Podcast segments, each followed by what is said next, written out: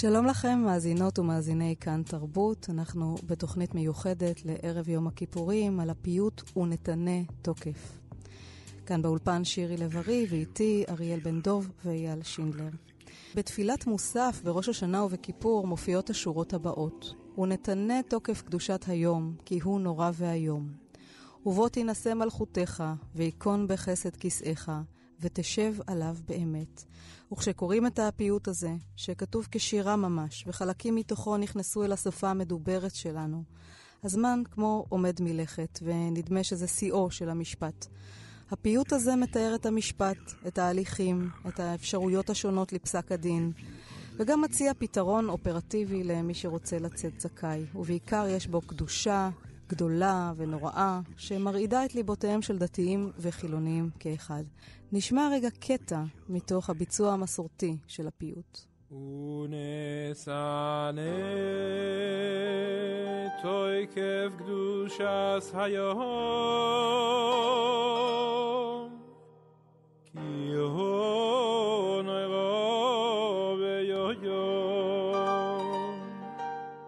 ובו תינשא מלכותך ויכון בחסד כסאך אנחנו שומעים את הפייטן אברהם יעקב טיילור עם "ונתנה תוקף". את כתיבת הפיוט הזה מייחסים החוקרים לפייטן, פייטן קדום ארץ ישראלי, כנראה מהמאה השישית לספירה, אבל גם אגדה נקשרה סביב הפיוט, והיא מספרת על דמות מן המאה ה-11, רבי אמנון ממגנצה, אחד מגדולי הדור, שנדרש על ידי ההגמון להמיר את דתו. כדי להתחמק מהדרישה, ביקש רבי אמנון שלושה ימים כדי לשקול בדבר. אחר כך התחרט על שלא דחה את ההצעה לאלתר. וביום השלישי, כשלא הגיע לארמון, הביאו אל ההגמון בכוח, עינו אותו וחרטו את פרקי אצבעות ידיו ורגליו. מי שהחזירו לביתו בסמוך לראש השנה, ביקש רבי אמנון שיביאו לבית הכנסת בחג, ושם פתח את פיו ואמר את פיוט ונתנה תוקף. שסיים אותו, פרחה נשמתו. אז חוקרים מודרניים חלוקים בשאלה אם רבי אמנון הוא דמות היסטורית או אגדתית, ובכל מקרה נראה שהסיפור הזה דומה לסיפורים אחרים בני אותה תקופה העוסקים בקידוש השם. ולפיוט היהודי כל כך יש גם הקשר ישראלי מאוד, הנקשר במלחמת יום הכיפורים, 1973, ועל כך נדבר בהמשך. ראשית נאמר שלום לפרופסור אביגדור שנן מהאוניברסיטה העברית. ראשית, מה פירוש המילים ונתנה תוקף? מי נותן תוקף ולמה? ובכן, זה פשוט הבנה לא נכונה. שתי המילים האלה הם התחלה של משפט, ונתנה תוקף קדושת היום, שפירושו בוא נאמר, נתנה מלשון לתנות לומר, בוא נדבר על התוקף, על החוזק, על העוצמה של קדושת היום. לא מדברים על תוקף, אלא על תוקף קדושת היום. בואו נעסוק בתוקפו של היום הקדוש הזה. מה מקור הפיוט? הרי יש את האגדה על רבי אמנון מבגנצה, וחוקרים מודרניים כבר יודעים שהפיוט הזה קדום הרבה יותר, והוא כנראה נכתב פה, באזור הזה, בארץ ישראל. כן, זה פשוט תרגיל מאוד מעניין בתולדות המחקר, משום שלפני כ-130 שנה שנמצאה, או 120 שנה שנמצאה הגניזה המפורסמת בקהיר, שזה אוסף של כתבי יד שפשוט הושלכו לתוך חדר עלייה בבית כנסת בקהיר, משום שלא רצו להשמיד אותם, גילו בתוכם גם את התפילה של כל נדרי, בטקסט שהוא כדור בוודאות לרבי אמנון ממגנצה. כלומר, הטקסט עצמו מתוארך בוודאות למאות שנים לפניו, וזה פתח פתח לדיון חדש בשאלה מתי מתחבר הפיוט, ועל פי שיקולים של הלשון הפשוטה שלו, על כך שאין בו שום קשקושים ספרותיים, הוא לא אלפביתי, והוא לא חרוז, ואין בו מקצב, ושיקולים אחרים הגיעו למסקנה שהוא, שהוא כנראה כבר בין המאה השישית לספירה, ונתחבר בארץ ישראל, ואז הסיפור של רבי אמנון מקבל מימד חדש. אם הסיפור אכן יתרחש, רבי אמנון לא יצר את החיבור, אלא רק השתמש בו, וזה שינוי קטן מאוד בהבנת העניין. אז אולי הוא רק השתמש בו, אבל הוא העניק לו איזה הוד וקדושה, כן, של... אין ספק. הסיפור הזה מעניק לו. גם אם הסיפור לא היסטורי, וגם על זה יש חולקים, הסיפור, גם אם לא היסטורי, הוא ודאי בעל עוצמה בלתי רגילה, והוא העניק לקטע שנתנה תוקף משמעות מאוד עמוקה, כמובן. עמוקה ודרמטית, אבל כן יש בפיוט הזה, על אף שפתו הפשוטה יחסית, כמו שאתה אומר, אה, הרבה השפעות מקראיות, השופר שבו תוקעים בקול רם, כן, בקול דממה דקה. זה ציטוט ישר מתוך אה, מלכים א', שם האל מופיע בפני אליהו, ו... נכון. וכשאליהו נמלט, אחרי שהרג את כל נביאי השקר. אה, יש את השורה, אדם יסודו מעפר וסופו לעפר, שהיא מהדהדת את כי עפר אתה ולעפר תשוב מספר בראשית. גם. בנפשו יביא לחמו. כן, בזה את... עושה תרגיל מעולה, את עושה תרגיל מעולה בקריאת המקורות של הפיוט. זה נכון, הפיוט הקדום אכן עושה שימוש גדול מאוד בלשון המקרא, ומבחינה זו אה, זו בוודאי יצירה מפוארת. רק אני דיברתי על כך שיותר מאוחר, מהמאה השביעית ואילך, שנפגשנו עם השירה הערבית יותר, משירת ספרד וכולי, אז התחילו לכתוב בסגנון חדש, להביא חרוזים, ולהביא מקצב, ולהביא את שם המחבר באלפאבית בראש המילים וכולי. ופה הפיוט הזה הוא כל כך יפה, משום שאין בו את כל אותה מערכת של uh, קישוטים חיצוניים, ולכן הוא גם חודר לבבות כל כך. יש בפיוט הזה פנייה של אדם לאלוהיו, ואיזה מין הודאה בעוצמה של האל, בכוח הרב שיש לו לחרוץ גורלו, מין נכון. כניעה מוחלטת. וכך צריך להיות. קודם כל, משום שזה יום הכיפורים וזה יום הדין. שנית, בני אדם והאל בכלל לומדים ברמה שאפשר לדבר אפילו על שוויון.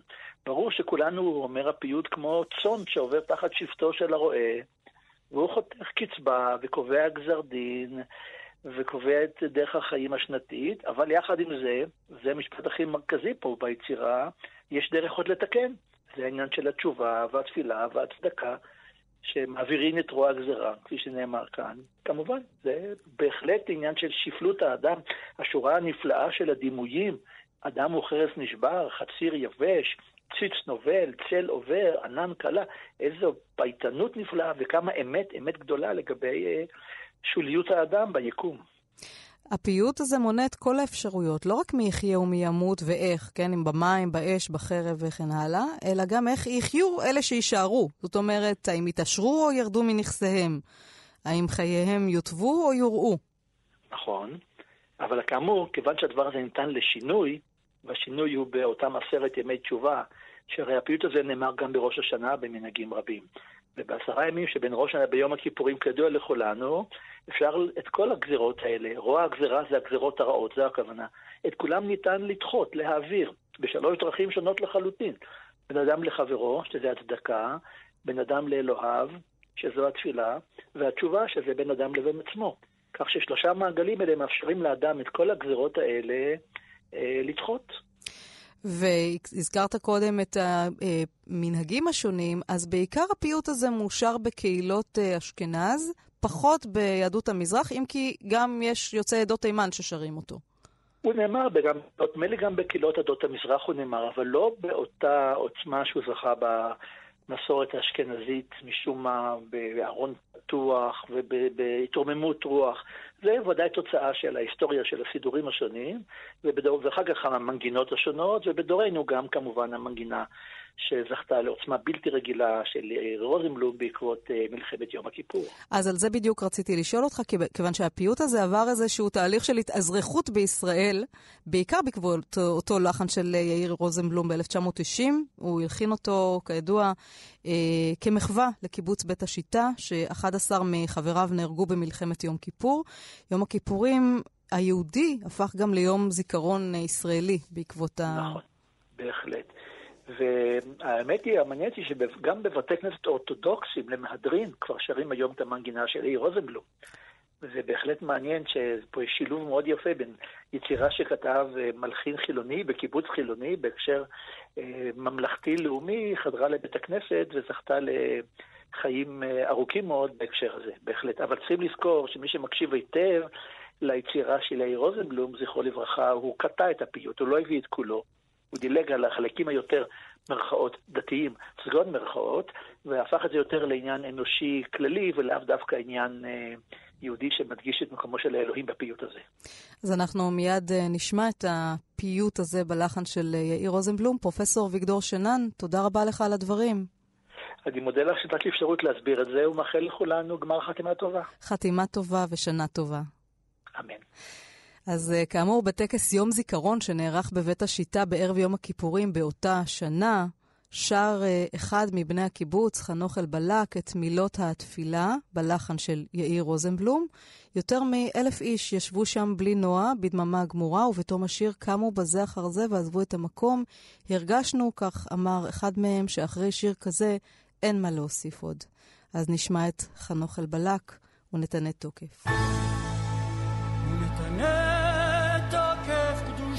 היום,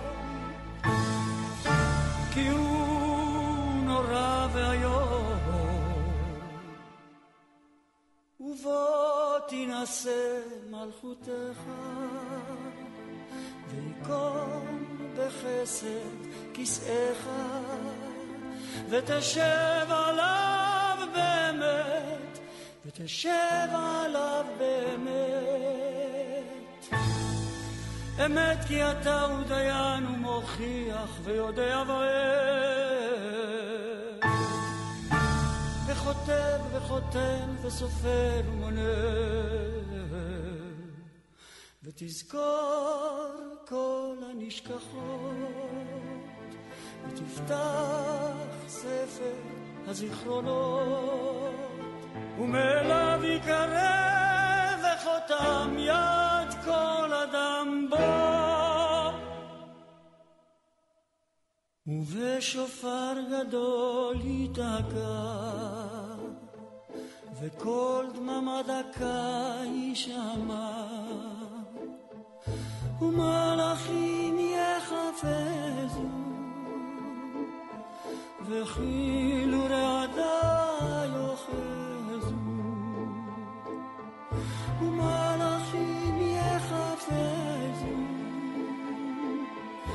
וכאילו רעדה יאחזו ובשופר גדול ייתקע וכל דממה דקה יישמע ומלאכים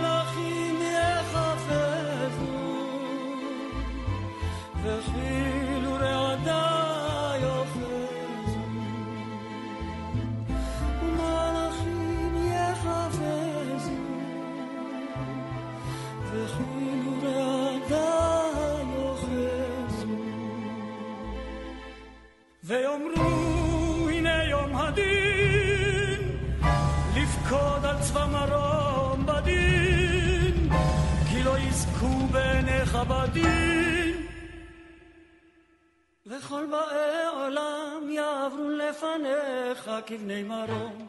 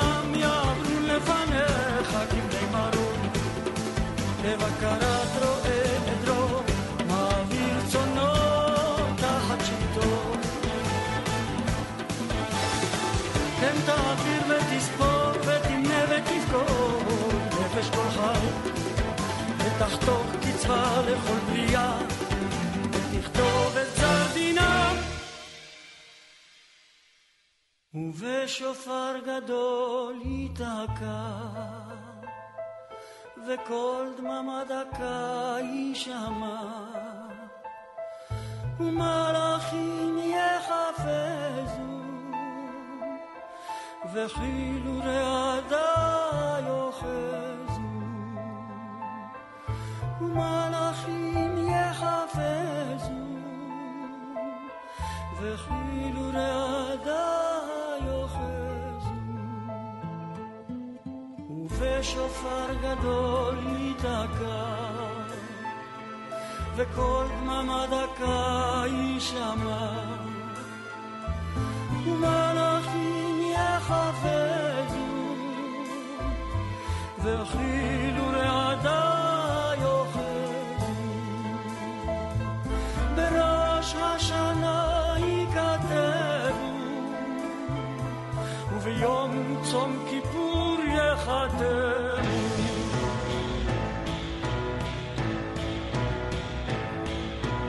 כמה יעברו וכמה ייבראו, מי יחיה ומי ימות, מי בקיצור ומי לא בקיצור. מי במים ומי באש, מי בחרב ומי בחיה, מי ברש ומי במגפה. מי ינוח ומי ינוח, מי שקט ומי טרף, מי שלב ומי יתייסר. מי שלב שפל, מי יעשר ומי יעני. ותשובה ותפילה וצדקה מעבירין את רוע הגזרה. אמת כי אתה הוא יוצרם ואתה יודע יצרם. כי הם בשר ודם. אדם יסודו מעפר וסופו לעפר, בנפשו יביא לחמו. משול כחרס הנשבר, כחציר יבש וכציץ נובל, וכצל עובר, וכענן כלה, וכרוח נושבת, וכאבק פורח. וכחלום יעור. שלום למשוררת חווה פנחס כהן. שלום וברכה. אבות ישורון אמר פעם, הספרות העברית תערוך את התפילה. ואכן, השירה העברית מנהלת משא ומתן עם התפילה, קצת משמרת, קצת מחדשת אותה, והפיוט ונתני תוקף ממש זורם בעורקיה של השירה העברית. קודם כל זה מיתוס כזה של ילדות, כשמספרים לך את הסיפור של אה, דרך הכתיבה של, ה, אה, של התפילה הזאת, וגם המיקום שלו, ממש בדקה שבה נכנס החג, זה מביא את הדברים לאיזה רגע עוצמתי ביותר. עכשיו, השנה יצא לי לשמוע, בראש השנה הייתי בבית, בבית כנסת בבלגרד, ושמעתי את התפילה פעם אחת בעברית ופעם אחת בתרגום לאנגלית. אני פשוט אה, לא האמנתי איזו נפילה היא הייתה העוצמה של המילים איז, כפי שהן, ללא העברית, כאילו ערומות. כן, יש נכון. המון שורות של שיר, דימויים ומטבעות לשון שנכנסו לא רק אל השירה, גם לשפה המדוברת שלנו, ושופר גדול ייתקע, וקול דממה דקה יישמע, אה, אדם יסודו מעפר וסופו לעפר, כרוח נושבת וכאבק פורח וכחלום יעוף. שירה. זאת שירה גדולה, וזאת שירה שמנסחת את, ה, את החרדה האנושית מפני החלוף, מפני המוות שבפתח, מפני הלא ידוע, מפני האי-ודאות. ובאיזה אופן אה, מיוחד, אה, שאופייני ליהודים, ראש השנה אצלנו זה לא מסיבה, זה לא חפלה, אלא זה לעמוד בפני אה, הדין והחלוף ולהתמודד איתו בשתיקה גדולה, בדממה גדולה. חווה, גם. את כתבת לא מעט שירים שמתכתבים עם הימים הנוראים ובמיוחד עם ונתני תוקף, אז אולי תקראי לנו אחד מהם. אני רוצה לקרוא כן, מתוך הספר אה, החדש שלי, שעומד לצאת, שהשנה הזאת העמידה אותי בפני מבחנים אה, לא מעטים, ומצאתי את עצמי אומרת אה, תפילה, שנדמה לי שהיא נמצאת בדיוק על קו פרשת הזמן הזאת, שנתנה תוקף נוגע בה. יהי רצון שתשמע. יהי רצון מלפניך, אדוני ואלוהי אבותיי ואמותיי, מי שמשגיח על הבית ועל האם ועל הבנים, שתשמע קולי בשעה זאת, בזמן הזה ומהמקום הנמוך הזה, ותיתן לי מהשגחתך הטובה אשר הבטחת, מלאת חסד ורחמים. אנא הוצא מתוכי כל אימה, ואשאר בי יראה וראייה טובה. תן בי את הכוח לעמוד ולצאת מתוך הניסיון שנתת לפניי, שלא יפול ולא ייכשל ברעד בלתי נשלט, או בכאב חותך, או פחד פתאום לפני יקיריי ולפני אוהביי. הושט לי יד אוהב להוציאני מלפיתת החושך הנמוש. תן ידך להוציאני מהמקום הזה אל המקום שהגוף הוא בית, להוביל אליו ולהוציא מתוכו, להוליד מתוך הדם והצירים את החיים, להשתנות מתוכו ולקרב אל האדמה ולא מתוך ייסורים. אל נא. אל רפנה לה, אל נא רפנה, רפנה במהרה. לא אמות כי אחיה לספר סיפוריה ואדם. חווה פנחס כהן, תודה רבה על השיר. גמר חתימה טובה. רבה. גמר חתימה טובה, שנה טובה. שנה טובה.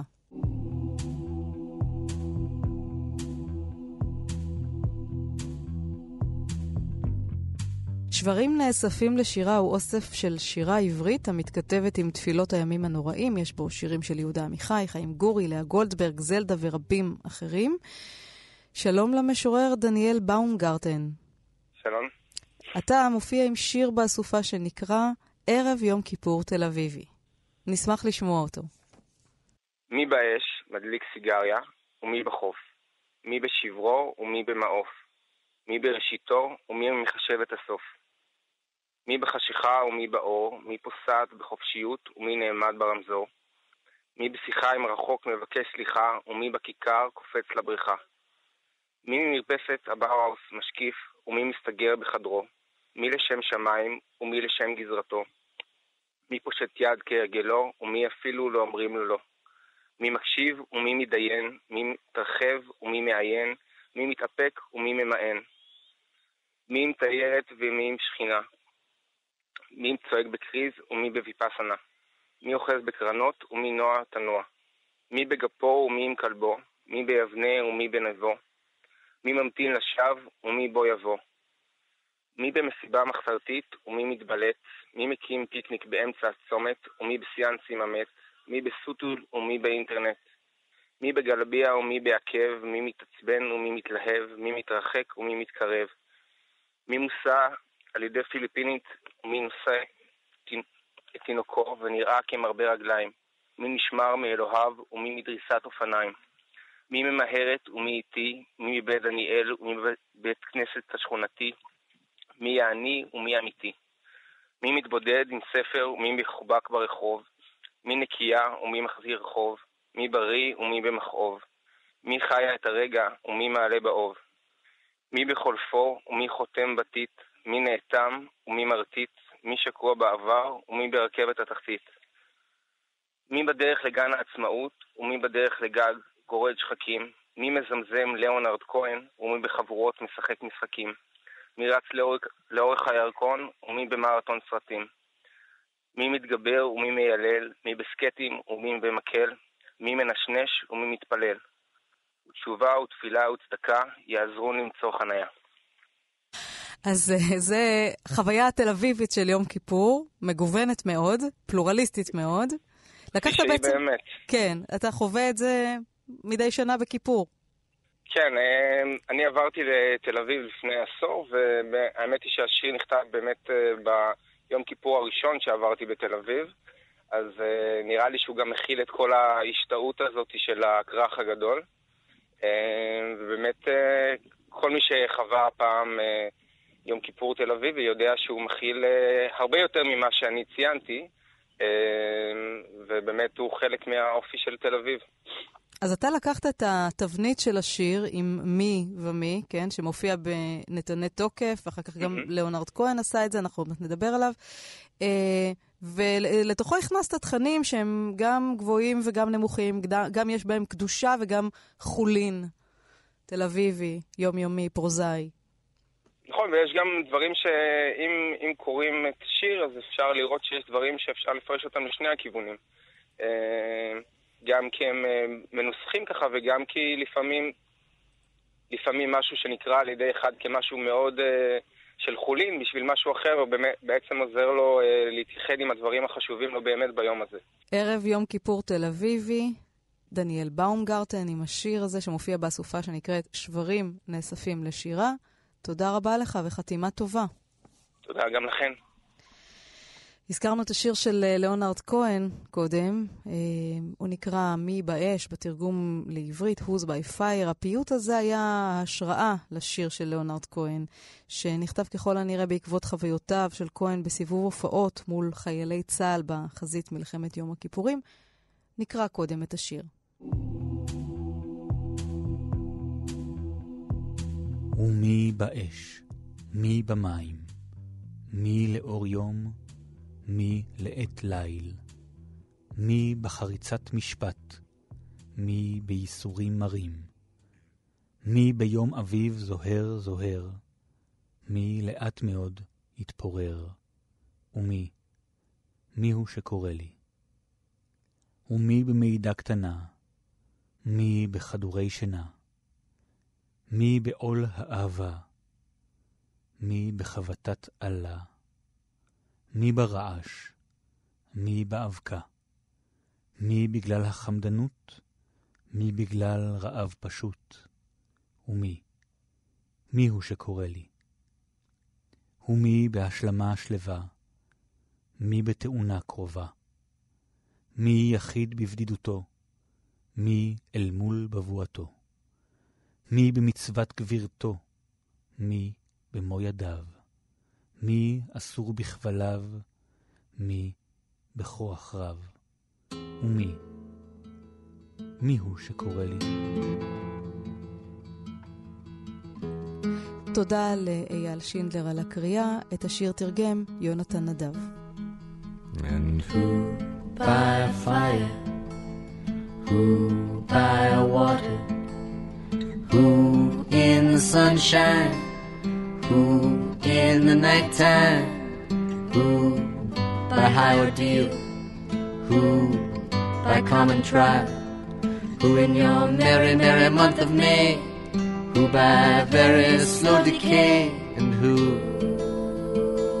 shall I say is calling?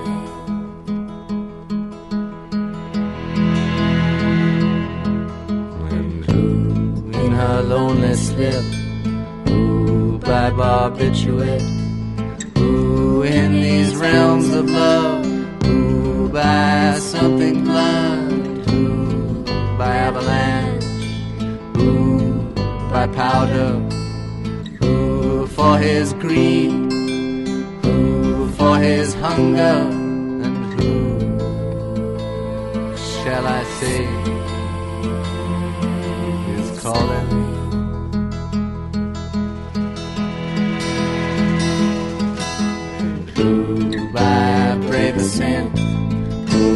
By accident, who in solitude, who in this mirror, who by his latest command, who by his own hand, who in mortal chains, who in power, and who shall I say is calling?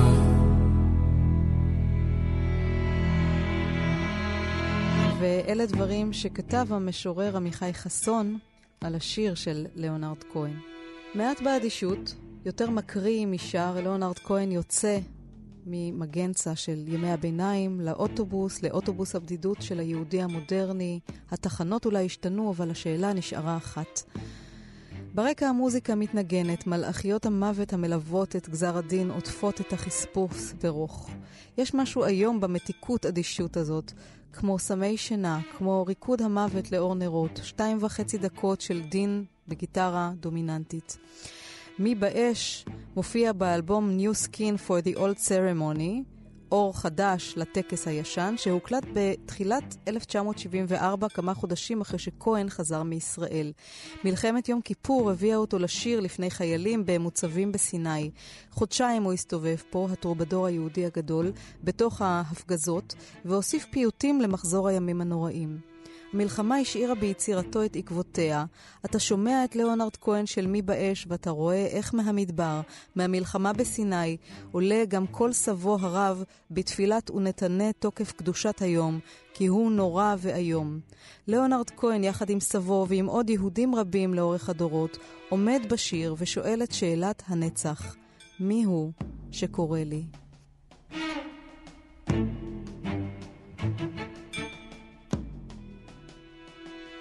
שלום לפרופסור חביבה פדאיה, משוררת וחוקרת תרבות ויהדות מאוניברסיטת בן גוריון.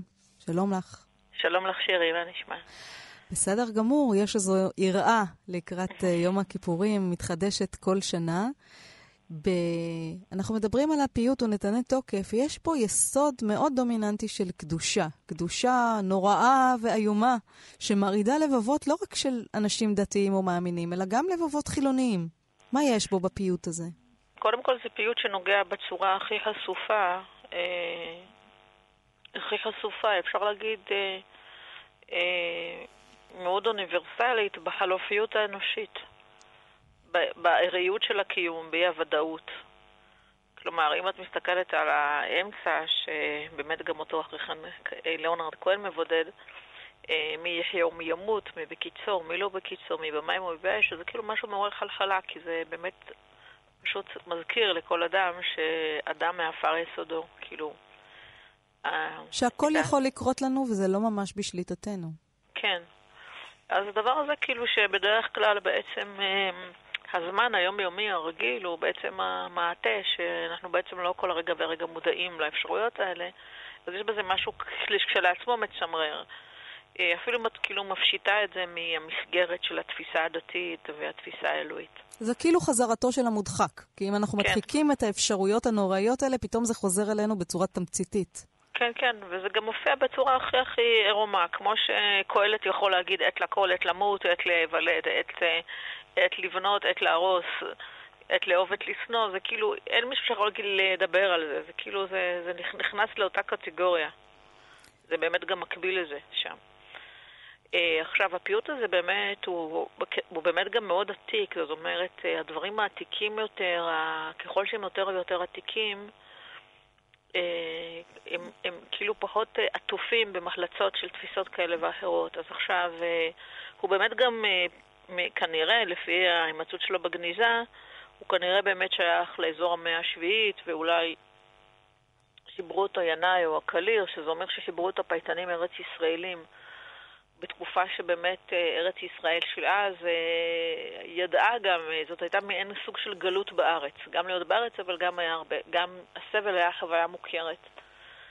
ומצד שני, הפיוט הזה, מה, ש, מה שעוצמתי בו הוא גם עטוף, הוא עטוף משני הצדדים בתפיסה מאוד חזקה של קדושה. יש בו מצד אחד תפיסה גורלית, שאנחנו בסלנג היום קוראים לה מכתוב, הדברים כתובים, יש מישהו שכותב, ולא רק זה שיש אלוהים שכותב, אלא חותם יד כל אדם בו. זאת אומרת, כאילו כל אדם במו ידיו גורם לכתיבה של מה שהוא עושה ולמה שזה יוביל על זה. זה כאילו ממש הכי קרוב לרעיון של קרמה, כאילו. אתה בעצמך כותב את מה ש... מה שיגלגל את מה שעתיד לקרות. זה כאילו באמת אה, קצת מלחיץ, כן? זהו, זה חרדה כפולה. גם חרדה מדברים שאתה לא שולט בהם, וגם חרדה מדברים שאתה כן שולט בהם. בדיוק ככה. יש כאן איזשהו צירוף כזה. עכשיו, אה, כל זה, כמו שאמרתי, אה, עטוף בתפיסות אה, יותר קדומות של המיסטיקה היהודית, שמאוד מאוד קרובות למה שקוראים ספרות ההיכלות והמרכבה. זאת אומרת, אותם מיסטיקאים ש...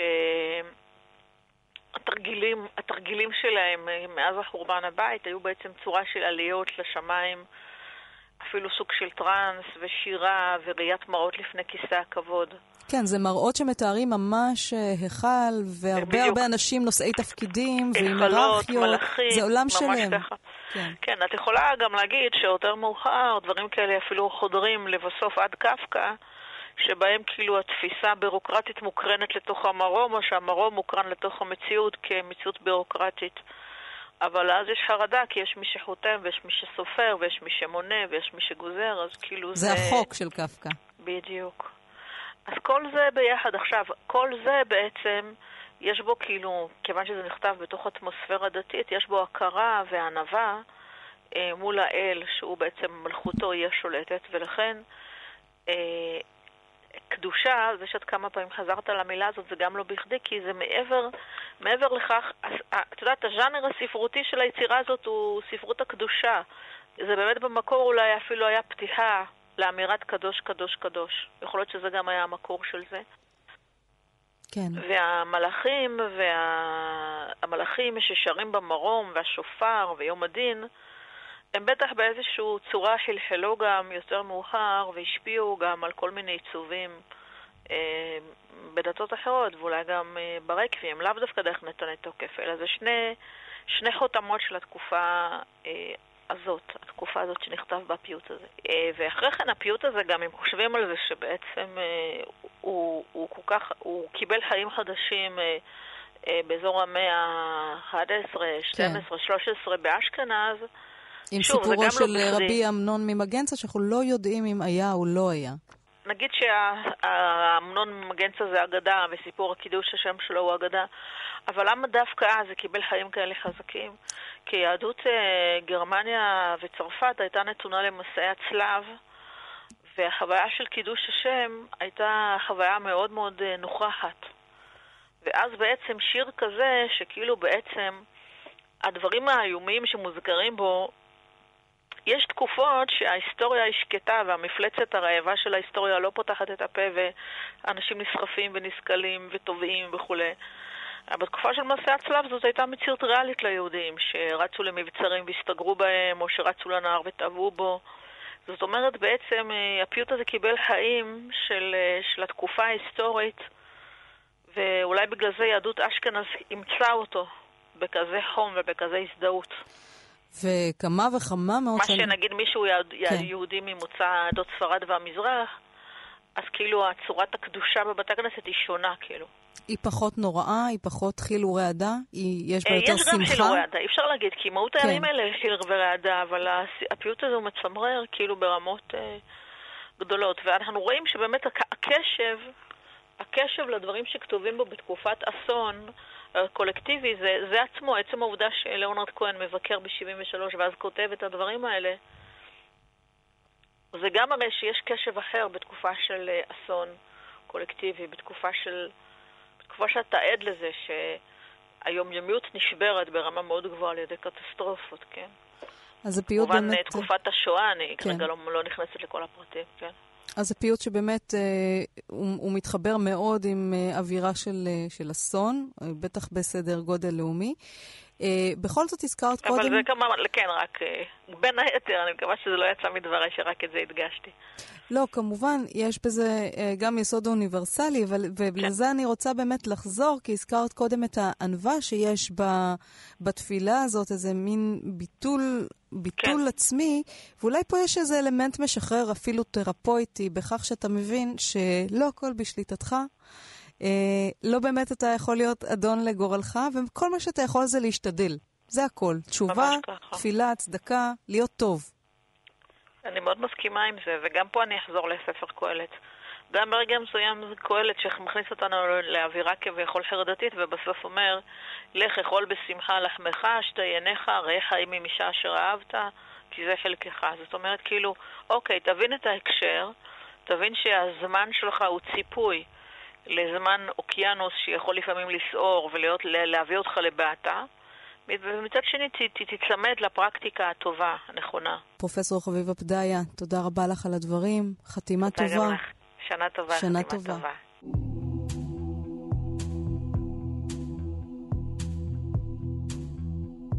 שלום לרב רוברטו ארביב, הרב של הקהילה המסורתית נווה צדק. שנה טובה וחתימה טובה, שנה טובה. חתימה טובה. מדי שנה אתה עומד לפני התיבה ושר את uh, ונתנה תוקף בראש השנה וביום כיפור, מדגיש ומרגיש כל מילה ברגע הזה של הקדושה. איך אתה חווה את הפיוט הזה? זה באמת uh, דבר מדהים ש... Uh, בעיקר בארץ הייתי אומר שהפיוט הזה הפך להיות עוד יותר מפורסם, כזה בעקבות ה... מלחמת ששת, אה, יום הכיפורים כמובן, ועם החברים של בית השיטה, ו... וזה דבר שכל אחד מרגיש את הקריאה הזו ומחבר איתו את ההיסטוריה הלא רחוקה של עם ישראל כאן בארץ עם מה שהיה ביום הכיפורים, שהייתה נקודת באמת מאוד של ציון מאוד חשובה לכל אלו שהיו בארץ ולכל אלו שיהיו בארץ. הפיוט שהוא באמת פיוט שמאוד קרוב לליבי, כי גם אה, מסתבר שהוא פיוט בכלל איטלקי, שהוא אה, התחבר על ידי כנראה, או, או לפחות הראשונים שקיבלו את עצמם, את הפיוט הזה, זה הקהילה האיטלקית, ואחר כך עבר לאשכנז. ובשנים האחרונות יותר ויותר גם קהילות ספרדיות אה, לוקחות על עצמם את הפיוט המרתק הזה, הוא באמת שהוא מתמצת את, האימה, אימת הדין של לעמוד בפני השם. של היום הקדוש הזה, יום הכיפורים. ואני שמתי לב שכשאתה קורא כבני מרון, כן, כל באי עולם יעברו לפניך כבני מרון, אתה אומר בני נומרון. נכון, כי יש פה איזה שיבוש בני מרון, שזה יש כאלה שמפרשים את זה כה, כמו ה, ה, הכבשים שעוברים מול הרועה וסופר אותם אחד-אחד, אבל יש פה איזה שיבוש כנראה של כתרגל, אה, וזה דבר שעמדו עליו כמה חוקרים, שנומרון זה, זה כאילו הספירה של החיילים, של המפקד לפני שיוצאים לקרב. אז זה, נקרא לזה, הנוסח יותר נכון, אז אני אוהב ככה גם אה, להכניס את, ה, את השינוי הזה, לפעמים ככה, לפעמים ככה, אבל בהחלט זה רגע שיא של תפילה שנעשה לאחר חזרת השליח הציבור של מוסף, גם בראש השנה וגם ביום הכיפורים. ואתה יוצא מתוך אה, הפיוט הזה ונתנה תוקף, הוא מדבר השנה על שלושה מעגלים של התחדשות ביום כיפור, מעגל של גוף, של מחשבה ושל מעשה. נכון, אני חושב ש... אה, הכיפורים כיום, נקרא היום, יום הקדוש ב, בלוח העברי, הוא מתמצת בתוכו את העבודה של היחיד וגם של הציבור שאמור לעשות במשך כל השנה. למעשה, המעגל הראשון הוא המעגל של הגוף, שבא לידי ביטוי ביום הכיפורים על ידי הצום. זאת אומרת, אנחנו נמנעים מלאכול ולשתות, מ, מ, לא לובשים נעלי אור. זאת אומרת, יש איזו מגבלה מסוימת של גוף מסוים. שזה עבודה ש... כל אדם צריך לעשות במשך כל השנה, במובן הזה שאדם צריך לטפח את הגוף שלו, לנחות, להשתדל לאכול בריא, להשתדל אה, לא, לא לשבת רוב הזמן, אלא באמת אה, שהגוף שלו יהיה בריא על מנת שהוא יוכל איכשהו לתפקד. וזה באמת המעגל הראשון שבא לידי ביטוי גם ביום הכיפורים, ביום הזה. המעגל השני הוא מעגל של עשייה. כלומר, מעגל שבו אנחנו ביום הכיפורים בא לידי ביטוי באמצעות התפילה, שאנחנו זה, זה עיקר העבודה של יום הכיפורים, אנחנו נמצאים עם המחזורים השונים שלנו, וגם התנועה המסורתית השנה שהוציאה את המחזור היפה החדש. כל אחד מחזיק את, ה, את הסידור, את המחזור, והוא מתפלל. זאת העבודה שאנחנו עושים. למעשה, התפילה היא אמורה גם כן כמעשה ליצור את העבודה שבמשך כל השנה אנחנו עושים מעשים של, של של תיקון. אנחנו מנסים לתאר את המעשים שלנו על ידי זה שהמעשים שלנו יהיו באמת אה, טהורים ואותנטיים, ושביום הכיפורים, באמצעות התפילה, זה המעשה הכי מרוכז, הכי מזוכח שאנחנו יכולים לומר. אבל למעשה, זאת העבודה שהיינו צריכים לעשות, או חייבים לעשות במשך כל השנה באמצעות התנהגות מוסרית, אתית, באמצעות קיום המצוות. אה, שאנחנו, כמובן השלישי והחשוב, הוא המעגל של המחשבה, או תיאור המחשבה. וזה אנחנו עושים ביום הכיפורים על ידי ניסיון להגיע לכוונת הלב, כלומר להגיע של המעשה שלנו, היינו התפילה שלנו, תהיה באמת מתוך כוונת הלב והמחשבה. לא רק כוונת לב מבחינת הרגש, אלא במובן הזה לנסות להבין את המקום של, ה, של התפילה, המקום של כוונת הלב, במשך כל השנה שהיא יכולה להאיר לנו במשך כל, כל החיים שלנו, וגם במיוחד ביום הכיפורים. כלומר, התיאור של המחשבה, או תיאור, תיאור הלב, הוא למעשה הבדיקה העצמית, הביקורת עצמית, היכולת שלי לאבחן את המקומות שבו נכשלתי, ואני מסוגל אולי לקחת את עצמי ולשנות את הדרך שבו הלכתי עד עכשיו. זה מאוד מעניין שהנביאים השונים קראו כאילו מתוך איזו קריאה לקדוש ברוך הוא, לומר, בבקשה, תעשה שיהיה לב חדש ורוח חדשה לעם ישראל. לבניך. והיחיד של נביא יחזקאל בפרק ה-18, הוא קורא, תעשו לכם לב חדש ורוח חדשה. כלומר, הנביא יחזקאל מעניק את האחריות לאדם, לכל אחד ואחד, לעשות את עצמו מחדש. כלומר, זה לא איזה משהו שבא מלמעלה באופן מגי, אלא זאת עבודה של באמצעות השלושה מעגלים שהזכרתי קודם, שאדם מנסה לשפר את החיים שלו ולהגיע, להתחיל את השנה החדשה לאחר הימים הנוראים כאיש חדש, באמת, עם, ה, עם השמחה בלב, ובאמת להתחיל בחדווה את השבת שבא אחר כך, את הקריאה של בריאת העולם. לב חדש ורוח חדשה, הרב רוברטו ארביב, חתימה טובה ושנה טובה. תודה רבה, חתימה טובה לכל בית ישראל, שלום, שלום. להתראות. ואנחנו מסיימים את התוכנית לערב יום הכיפורים עם שיר של אדמיאל קוסמן, פיוט למוסף ראש השנה.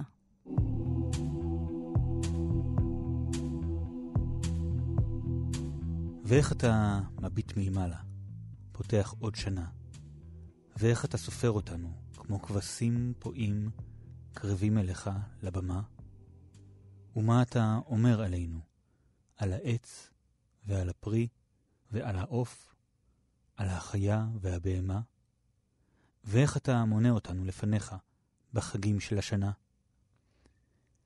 על איזה תעריף דיברת, וכמה תבקש, ואיך אתה מדליק אותנו. את מי תזרוק למים קודם, ומי ראשון ייפול לאש? ומה כתוב למעלה במטותא? על שבעים מיטות בית דין, ומה הפעם תחדש? תשמע, אתה לבד אחד ששעת למעלה, אתה גיבור, מדהים, אדיר. אנחנו ציץ עובר, אנחנו עדר צאן פועה בדיר. אתה מונה, סופר, אנחנו קש נידף, פרוע, על גרגיר הערמה. ורק אתה, משיב הרוח, על קליפת האדמה. תודה לאייל שינדלר על הקריאה. אנחנו נסיים את התוכנית המיוחדת לערב יום הכיפורים. נודה לאריאל בן דוב ולאייל שינדלר באולפן שירי לב-ארי, שתהיה לכולנו חתימה טובה ושנה טובה. למי שאינו